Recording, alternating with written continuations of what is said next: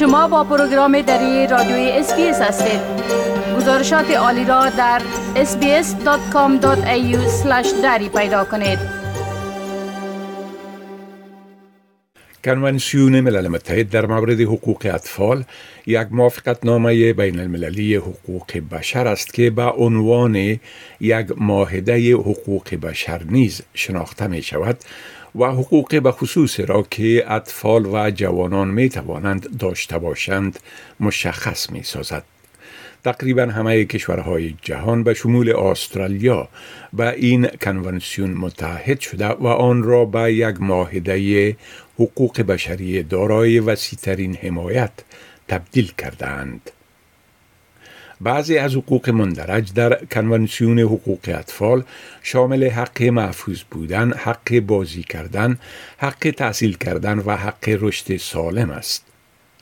پالا گربر استاد فاکولته حقوق در پوهنتون موناش و یک محقق مشهور است که در حقوق بشری بین المللی تخصص دارد و کار او بر حقوق اطفال متمرکز است. او میگوید والدین در حق اطفال برای رشد سالم نقش اساسی دارند. Australia benefits from the national healthcare system, Medicare, and all children, as soon as they're born, are entitled to that healthcare system. But obviously, the primary responsibility for keeping children well and getting them to the doctor and getting them their vaccinations falls on the parents. That's the first port of call. اطفال همچنان قطع نظر از این که در چی جایی هستند حق دارند مسئول باشند. قوانین گزارش دهی اجباری که در بین حوزه های صلاحیت استرالیا متفاوتند ایجاب می کند که سوی استفاده مشکوک از اطفال به خدمات دولتی حمایت از آنها گزارش داده شود. پروفسور گربر توضیح می دهد که این قوانین در موارد سوی استفاده جسمانی، جنسی و عاطفی به توجهی و قرار گرفتن در معرض خشونت خانوادگی تطبیق می شوند. The law imposes what's called mandatory reporting obligations on a number of professionals so that if they have reason to believe that a child is being subjected to violence or abuse or even neglect, then they must report that to Child Protection Services, which falls within the Government Department of Human Services. And the sort of people who have that mandatory reporting obligation are doctors, nurses, teachers, police, people who work in religious organisations. پروفسور گربر می گوید که در استرالیا رفتن به مکتب برای اطفال بین 6 تا 17 ساله اجباری است.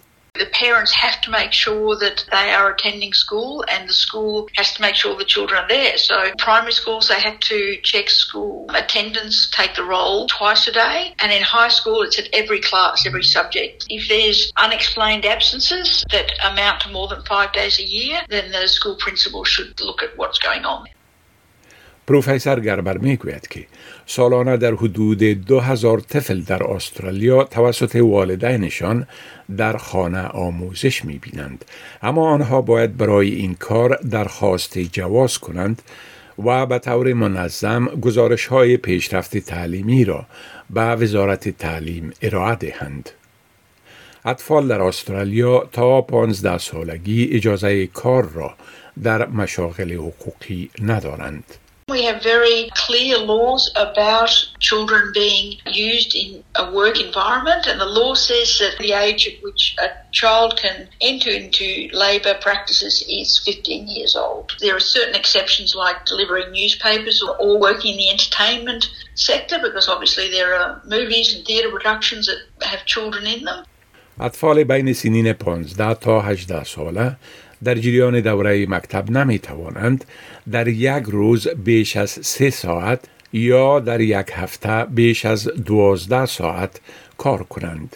این محدوده کاری در طول رخصتی های مکتب تا 6 ساعت در روز یا سی ساعت در هفته است. پروفسور گربر توضیح می دهد که سن قانونی برای ازدواج در استرالیا 18 سال است. We have very strict laws about child marriage in Australia.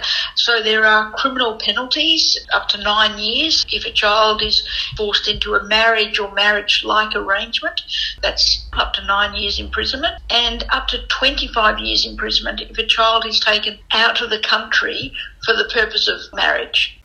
اگر دو نفر زیر 18 سال بخواهند ازدواج کنند باید از والدین خود رضایت و همچنان از محکمه اجازه بگیرند.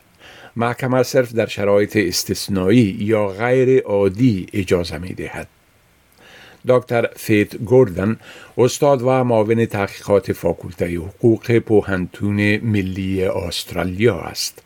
او می‌گوید استرالیا در سال 1990 کنونسیون حقوق اطفال ملل متحد را امضا کرد اما قوانین از یک حوزه قضایی تا حوزه قضایی دیگر فرق می کنند. Unfortunately, we don't have the convention embedded in our domestic legislative framework because it is a federalised system and the states and territories all have different pieces of legislation in relation to, you know, child protection and youth justice. So this means that what we have is quite a patchwork quilt of legislation and frameworks. Something might apply to a child or a young person in New South Wales and it doesn't in Victoria, for example.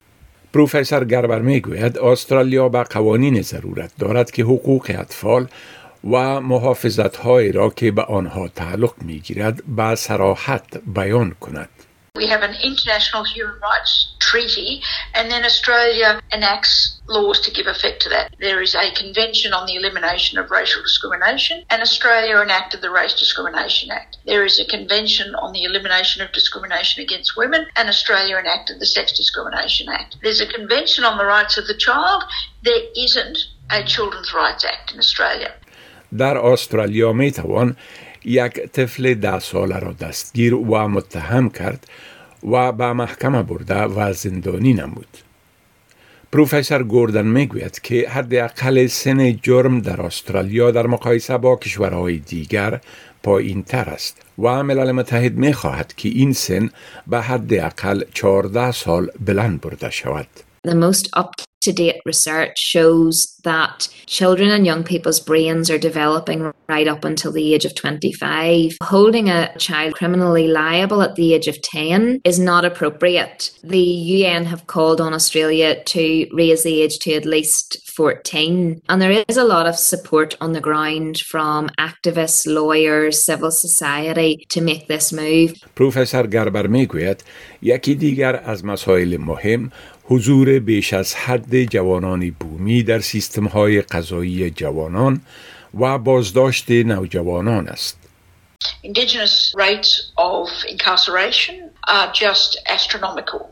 So, Aboriginal young people, that is aged between 10 and 17 years old, make up 6% of the population. But if you look at youth detention centres, they make up 56% of the population. پروفسور گربر می‌گوید که برنامه های محکمه برای تغییر دادن به خوبی کار می کنند اما به منابع بیشتری نیاز وجود دارد. پروفسور گوردن می‌گوید که باید منابع و حمایت بیشتری وجود داشته باشد. Many children in the justice system are victims themselves, yet they haven't received the adequate support mechanisms in their community. There isn't enough community resourcing and support to address these issues rather than young people being scooped up and placed in a criminal justice system, which really exacerbates many of the issues پروفسور گوردن میگوید که مراکز حقوقی اجتماعی برای بعضی از مردم کمک های مهم و حیاتی را فراهم می کنند.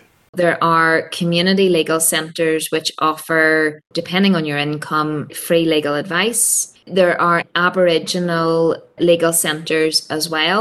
I think it's important that people know where they can access information. And there is a legal aid system in Australia where people can apply to get fully funded throughout their engagement with the criminal justice system. می خواهید این گناه گزارش ها را بیشتر بشنوید؟ با این گزارشات از طریق اپل پادکاست، گوگل پادکاست، سپاتیفای و یا هر جایی که پادکاستتان را می گیرید گوش دهید.